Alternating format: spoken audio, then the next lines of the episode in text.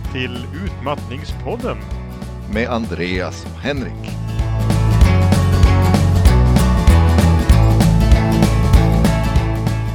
Hej Henrik! Hej Arne! Hej! Välkommen till Utmattningspodden. Idag ska vi prata om motion. Motion är ju någonting som är bland det mest konstruktiva man kan prata om vad gäller utmattning eftersom motion är en central del i behandlingen när man har drabbats av utmattningssyndrom och för all del också i förebyggandet om man nu tror sig vara på väg dit. Det är ju nämligen så att kroppen och huvudet sitter ihop som vi alltid har sagt. Mm. Och stress och konsekvenserna av utmattningssyndrom i högsta grad i hela kroppen där. Mm. Man börjar någonstans kan man ju säga att när man sitter och stressar på ett kontor eller i en förskola med barn och liknande så använder man ju i huvudsak just den här samordnande frontallobstressen, vilket är det som bränner ut de här systemen centralt i hjärnan som sedan blir skadade. Men det är i hela kroppen som stresshormonerna finns. Så man skulle kunna säga att modern, i, i den moderna medicinen och i behandlingen så har man ett holistiskt synsätt. Precis. Utmattning är ju som många andra lite mer omfattande saker. Att det är inte en bilverkstad det här. Man kommer in, vården fixar till en. Utan att det handlar mycket om rehabilitering. Holistisk rehabilitering där man måste träna hela sin varelse till att eh, fungera som man vill igen. Och stresskollaps får ju hela organismen att reagera ganska extremt på stress. Och om man efter en stresskollaps återgår till exakt det jobb man hade som var så stressande och pajade för en så kommer man antagligen att drabbas av ganska svår stress igen. Eftersom mycket av den här energin går ut till att driva hela kroppen. Men det blir inte riktigt så om man får ut i typ löpspåret eller gör någonting annat pulshöjande. Vad har du för motionsvanor Arne och hur har det varit förut med den saken? Det är ju, jag har ju knappt motionerat alls, ska jag säga, i mitt, i, i mitt förra liv. Syltrygg. Eh, precis. Och eh, det är, jag har ju jag har ju haft ambitioner, jag har försökt löpträna och sådär. Eh, men, men aldrig med någon regelbundenhet egentligen förrän jag blev sjuk och jag märkte den här positiva effekten som det hade. Mm. Eh, jag ska säga så här, eh, jag började springa på grund av min ångest egentligen. Och det blir inte nödvändigtvis bättre av att vara ute och löpträna. Men om jag, om jag låter bli så blir det sämre. För, tror du att folk förstår mm, vad jag mm, mm. menar med det? Det, det blir lättare. Eh, men det är mm. inte något magiskt i det här som, som tar bort grundproblematiken. Så kan man väl säga. Mm. Men det blir lättare att hantera problemet rent allmänt om motion när jag har haft patienter som vill lägga till sig med positiva vanor och sånt där så brukar jag ju rekommendera folk att bara motionera på sätt som är roliga tillsammans ja. med människor om det ger dem glädje. För ja. nästan ingen människa lyckas med att lägga till sig med vanor som, som inte är förankrade i någon slags glädje eller tillför någonting. Och för dig ja. så verkar du ha motiverats av ångesten på något vis. Kan du beskriva den biten noggrannare? Mm. Det, var, så det började ju innan jag förstod ens att jag hade ångest. Det var ju också en process. Mm. Eh, men det var, det kröp i kroppen. Och väggarna kom mm. liksom närmare på något sätt. Mm. Och jag hade väldigt svårt att fokusera på nära håll. Så det, blev, det är någon mm. form av dimblick brukar man prata om. Mm. Eh, som, eh, som, blir, som lättar då när, man, när jag kommer ut. Så eh, rör jag på kroppen så att den här den här klådan i benen försvinner. Och eh, mm. eftersom jag andas när jag är ute och promenerade gjorde jag ju från början då. Eh, gick långa promenader. Mm. Och eh, fick igång andningen och även den här dimblicken då när jag tittade på, på längre håll. Eh, mm. Så lättade ansträngningen på ögonen också. Så det var, ganska, det var flera saker som samverkade. Sen övergick det där i löpning eh, efter en stund då. Men jag kan berätta mm. en annan sak. Eh, Mm. När det var som sämst det här så eh, jag sprang fem kilometer så, mm. på en dag. Eh, gick med hunden en och en halv timme ungefär. Och sen var jag ute och mm. gick själv minst två timmar. Hunden orkar inte med sig. Nej, jag gick för fort för henne. Så att, mm. eh, det blev Det är, många som har sagt, det är många som har sagt det. Det var mycket motion för hunden då när du är ute och går så mycket. Men hon, hon ville inte följa med på det. jag var ju tvungen att hålla tempo uppe va, för, att, mm, mm. Eh, för att få någon effekt på det. Så det blev dubbla promenader. Men det är ju för många timmar, det hör ju vem som helst. Det är för mycket på, på Ja, det där är det enda pyttelilla brasklappen. Mm mot det där att ibland när man gör saker av ångest så blir det som en, en, sak som breder ut sig av sig självt. Och visst, en del blir lite träningsnarkomaner och sånt, men jag vill ju mycket, mycket hellre varna för risken med att inte motionera än för riskerna med att motionera. Och i princip är det ju inte skadligt att ta i för mycket och det märks ganska tydligt när man gör det också eftersom det går så mycket tid till det. Ja, och så länge man inte fortsätter när det gör ont. Det är väl det. Ja, exakt. Om du, om, du, om du har ångest så att du måste springa fast ändå går sönder, då är det ganska stora ja. problem. Nu är ju sådana med utmattning naturligtvis sådana som ganska bra på att gå över sina gränser som vi varit inne på tidigare här.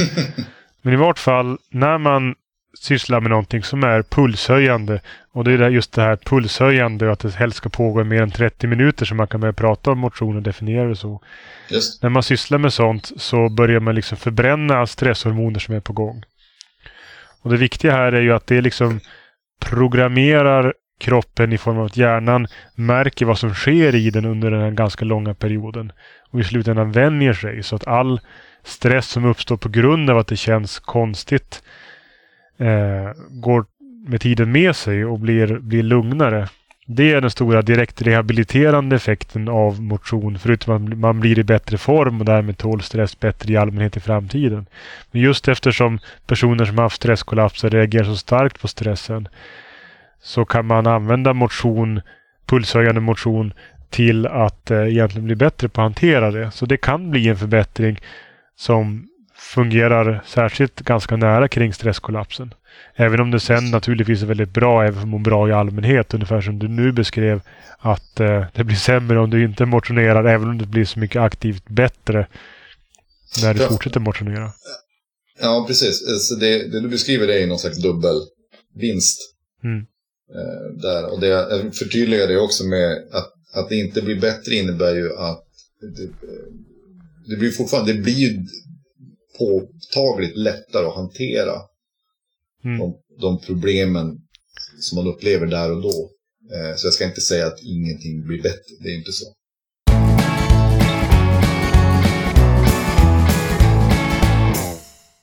Nej, det är viktigt att framhålla det där att det blir ju som efter en utmattningsstresskollaps och även när man i, i och för sig är i som gränslandet där och överstressad för de som lyssnar på det här och, är där liksom. Man, man tar i väldigt hårt i livet. Så gäller det att fundera vad funkar oavsett liksom. Och, mm. och, promenader är ofta vårdens svar på allt sånt här. Även för personer med diskbrock och mycket annat som är liksom vag, verk och liknande. Ofta är promenader någonting som man så att säga är gjord för. Mm. Foträta skor, lugna spår, vettig takt. Inte mm. totalt mm. pensionärsfart men, men att liksom vara omkring och gå, spankulera utan, utan stress. Någonting som, som kroppen är gjord mm. för och som ska fungera. Och en poäng med det där när jag säger att det ska, ska fungera så är att om man är ute och går och kroppen ändå protesterar så kan man anta att det motsvarar när kroppen liksom gnäller som ett litet barn som vill hem och fösa på sin platta istället för att göra någonting som är uppbyggligt ja. för barnet. För att barnen kommer ju vänja sig i längden om de är ute och går. Det vill säga kroppen kommer vänja sig om man är ute och går och känna att ja men det här var ju helt okej okay, liksom. Man vet som förälder att det här är bra för barnet fastän barnet inte alls känner det så utan vill, vill ta till sin flykt och sitta i, i mörkret och gömma sig. Mm. Jag vet att för mig så var det väldigt tydligt en process det där. Att jag var ju tvungen mm. att lära mig. jag, kan väl, jag kan känna igen mig i den här barnliknelsen som du, eh, som du återkommer till när det mm. gäller de här grejerna. Därför att det, eh, jag var inte van att motionera och då är frågan vad i det här, när kroppen protesterar då, eh, mot mm. saker. Mm. Vad, vad, är det som är, vad är farligt på riktigt där och vad är bara att jag inte har mitt huvud med mig. Mm. Eh, Men huvudet är, verkligen... är inte med. Vad är det du menar som, som, som tar emot? Är det tankar Vi... eller är det en känsla? Mm.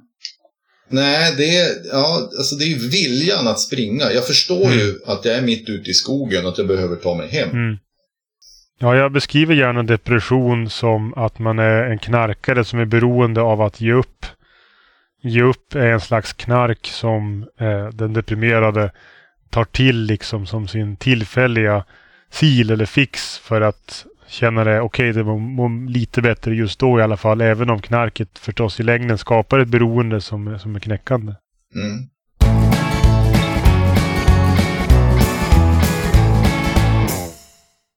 Vi har berört lite grann här om både promenader och springa. Och visst, jag började med att framhålla här i det avsnittet att liksom pulshöjande motion är liksom bra skit. Det betyder ju inte att man, man söker väldigt ofta efter saker som kan hjälpa på något sätt om man är inne i den här stresskollapsen. Eh, visst rekommenderar jag det och alla kanske, in, alla kanske inte, däremot inte byggda för att liksom just springa utan promenader är ju ofta en bra start. Att prata med läkare, psykolog eller annan rehabteam om de här sakerna och hur det känns och, och vad som är vettigt är ändå en bra idé. Men generellt så är ju just motion som jag vill återta och poängtera ännu en gång en av de allra bästa sakerna eftersom det i princip är riskfritt och eh, är rehabiliterande i sig. Till skillnad från försök att gå på jobbet och se om man är i färd med att jobba där igen. Det sistnämnda kan ju leda till en förnyad stresskollaps om man gör det för tidigt eller tar i för hårt. Ungefär som du har behövt gå ner i arbetstakt ibland. Ja. Medan motion, även om det kanske inte var rätt rehabåtgärd så är det inte farligt i alla fall. Det leder inte till stresskollapser och nio menar jag. I slutändan eh, så handlar ju rehabilitering om att eh, leva ett bra liv igen. Liksom. Mm. När vi tidigare sagt i acceptansavsnittet och annars att man inte kommer tillbaka till riktigt där man var. Så gäller det i alla fall att komma någonstans dit man vill. Till ett liv man kan tänka sig att leva. Så där, precis som du har slutat motionera och få samma sak utav det som det var från början efter din sjukdom började. Så gäller det att motionera på ett sätt som, som man trivs med och som funkar i livet liknande. Och hitta saker som är roliga som jag sa mig säga till patienter som vill göra någonting nyttigt. Hitta någonting som man trivs med. Ja, och som du har sagt tidigare här i avsnittet att det måste ju vara roligt. Eller mm. det behöver inte vara, man behöver inte gå runt och skratta va? Men det, du måste ju känna att, att det, det finns ett nöje i att gå ut. Det måste finnas någonting lustfyllt i det. Mm. Och jag vet att eh, för mig är det bra att vara ute själv. Jag, jag skulle aldrig vilja springa tillsammans med någon. Eh, mm. Men eh, är man ute och springer då finns det ju löpklubbar till exempel. Mm, mm. Och är man ute och promenerar så vet jag att det här i Uppsala i alla fall finns jag har sett en grupp Eh, som jag inte kommer ihåg vad de heter nu, vem som anordnar det där. Men eh, för de som precis har haft stresskollaps och verkligen riskerar att bara bli sittande hemma. Mm. Mm. Så har man haft, det har funnits en grupp där man har varit ute och promenerat väldigt kort och lugnt och sådär. Så det, mm. det, är värt att söka runt och se sig omkring. Jag tänker att det finns många Facebook-sammanslutningar, eller var man nu hittar folk nu för tiden. Mm. Eh, så. så vill man ha sällskap så tror jag att det går att hitta, men man kanske får leta lite. För det är ju också en grej när man är sjukskriven att alla mina vänner arbetar ju. Det är ju, det är inte helt enkelt att hitta någon att prata med på dagen.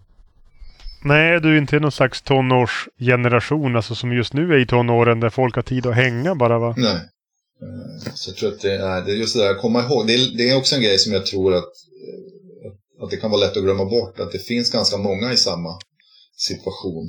Mm. Bor man i ett större samhälle så kan man nog hitta varandra, hoppas jag. Ja, verkligen. Det är en fråga som vi kanske skulle haft ett eget avsnitt om just det här. Hur gör man om livet så att det fungerar på ett nytt sätt? Mm. Det är mycket svårare att säga allmänna råd om just hur hittar man de här andra vännerna som inte är uppe i sin karriär och jobbar sig mot en egen utmattning? Hur hittar man de här som är efter sin utmattning och lever mer i stunden mm. och bygger upp en ny tillvaro kring dem? Ja. Men det får, får vi nog lämna till alla att hitta på egen hand gissar jag.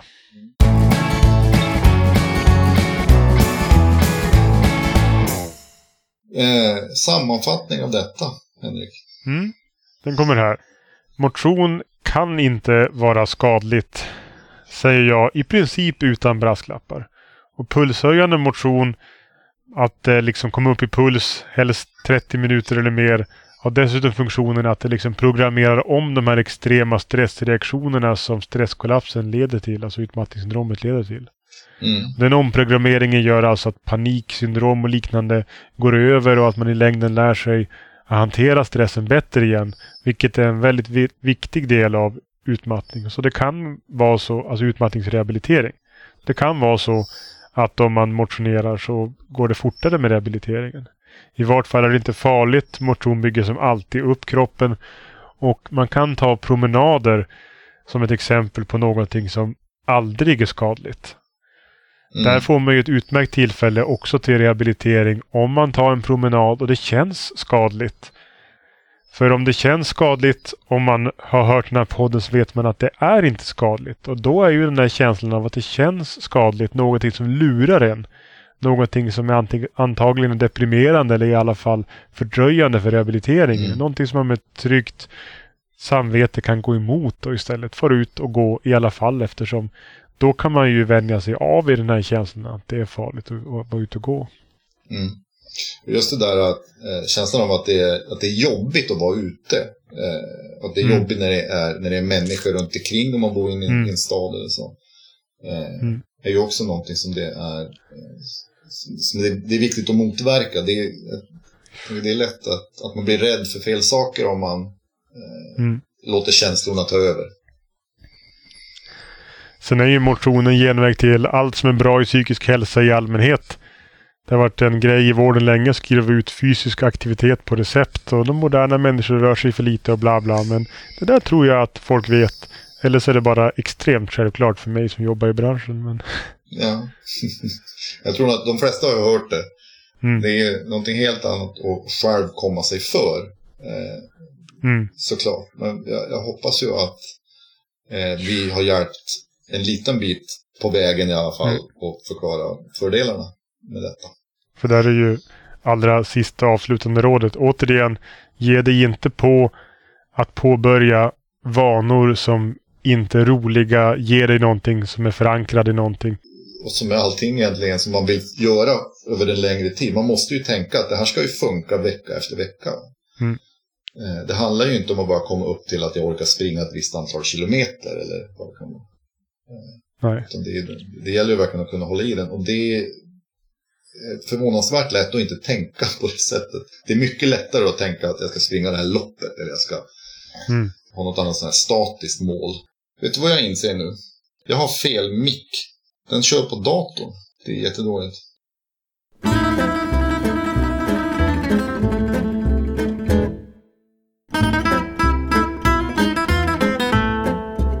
Ja, då är vi tillbaka efter en, en mycket kort paus. Eh, Men fin musik var det. Ja, vi har musik i bakgrunden till och med. Det är väldigt flashigt så producerat, den här, mm. den här poddserien tycker jag. Eh, psykologpub-quiz har vi mm. kallat det här avsnittet. Har Exakt. du en psykologpub-quiz-fråga? Här kommer den Arne. Det finns en anledning som är mycket vanligare än andra till att folk döms felaktigt i domstolar. Den här anledningen, som alltså är skälet till felaktiga domar, eh, har i högsta grad med psykologisk feltänk att göra på grund av de kognitiva tillkortakommanden som människor ändå har generellt. Kan du gissa vad den här anledningen till eh, felaktiga domslut är? Menar du svenska domstolar? Eller är det här en internationell fråga? Internationell. Eh, för då är ju frågan, är det här, är det här giltigt i, i, i rättssystem där man har jury? Eller är det i, i, som i, i det svenska rättsväsendet där man har Jag har inte kollat precis alla, det, det men ja, det är giltigt i det svenska åtminstone. Det finns en faktor det, det som har med mänskligt beteende att göra som man brukar eh, ge alldeles för stor vikt i förhållande till vilken bevisbörda den egentligen borde ha. Pratar du om ögonvittnen nu? Precis. Bra gissat. det där... Ja, det här, jag har tänkt på det här. Mm. Eh, eh, både, både före och efter det här Mm. sjukdomen inföll. Därför att det, eh, det är otroligt svårt att komma ihåg vad som har hänt. Mm. Och eh, det blir väldigt tydligt att olika människor minns olika saker fast de har tittat Mm. på samma sak. Och det är otroligt lätt att konstruera minnen. Det finns massvis Precis. av fin, rolig psykologisk studiematerial på just det här att man eh, konstruerar minnen åt folk. Man eh, planterar små fakta, man säger det påhittade till och med och sedan så berör man inte mer och frågar några månader senare så har de konstruerat minnen och händelser. Allt från bankrån som aldrig hänt och liknande så de bara minns liksom och tror är sanning sen. Ja. Det här är ju, eh, är ju farligt. Det är ju lätt att, det är så lätt att tänka själv att jag skulle Mm. inte göra det här. Varför Nej. skulle jag hitta på? Nej. Och just därför så låter man ju vittnen, ögonvittnen ha en tung bevisbörda i nästan alla rättssystem som finns. Fast det är en, det är en väldigt, väldigt dålig metod för att ta reda på sanningen om något. Jag undrar, jag, jag, är ju inte jurist ska jag säga. Eh, Mm. Men jag, jag, undrar hur, hur tungt ett ögonvittne väger i Sverige annat än för att bekräfta annan bevisning. Ja visst, jag läste en amerikansk studie innan det här quizet. Jag har inte kollat upp specifikt. Men jag kanske inte googlar det och sätter det på hemsidan. kan det säkert finnas någon jurist som lyssnar på. Mm. Eh, som, som kan skriva in och berätta för oss hur, vi har, Det hoppas vi att hur det fungerar. Har du en fråga till mig? Det har jag. Eh, eftersom vi pratade om motion i det här avsnittet. Mhm. Eh, och motion, i alla fall, nu ska vi säga så här. Eftersom jag springer så är motion kopplat liksom till avstånd och sådana här saker. Mm. Eh, och då eh, är ju frågan naturligtvis hur många decimaler av pi har man rekord på? Du menar hur många decimaler av pi har någon räknat ut? Ja, Ja, jag vet inte. Eh, jag skulle tro det är ju att räknat det ut med en är dator såklart. 10 upphöjt till 20 decimaler kanske. Det är 22 biljoner. 22 biljoner. Hur många? Jag säger miljon, miljard. Biljon. Det är så 12 10. nollor. Ja, då var jag fel med, med en väldans faktor. Men, men det... Men det är alltså rekordet. Jag ska Mm. ställa, det kommer lite följdfrågor där. 15 decimaler Mm, räcker för interplanetär navigation. Alltså hela vårt där, ja. solsystem. mm, Hela vårt solsystem ut i liksom, ja, av, utrymme, det som är mellan mm. oss och stjärnorna. Det som man kanske kallar den egentliga rymden då, interstellär rymd. Eh, så det är 15 decimaler. Rekordet ligger på 22,5 biljoner. Mm. Och då kommer följdfrågan här. Hur många decimaler krävs det då för att beräkna det synliga universums omkrets? Kanske 20 då? Ja, det är en bra gissning eftersom det är 50. Mm. 50 decimaler räcker för att beräkna universums omkrets med en noggrannhet på en atomkärnas storlek. Då kommer nästa quizfråga till dig här. Vad ska vi ha de andra 22 biljonerna till då? Vi ska ha dem för att testa våra nya fina datorer, tror jag. Just det. Vi sätter upp den på kylskåpet. Bra jobbat dator. Precis. Ja, det tycker jag. Nu sitter det här så alla ser. Det känns bra. Tack för det. Tack för idag Arne. På utmattningspodden.se hittar ni länkar till allt vi pratat om. Och där finns också kontaktuppgifter och hör jättegärna av er. Och lyssnarfrågor kommer att behandlas i särskilt insatta specialavsnitt. Och musiken som vi har använt i det här programmet är Holiday in Toontown av Texas Gypsies och Coffee av Josh Woodward. Och länk till dem finns också på utmattningspodden.se.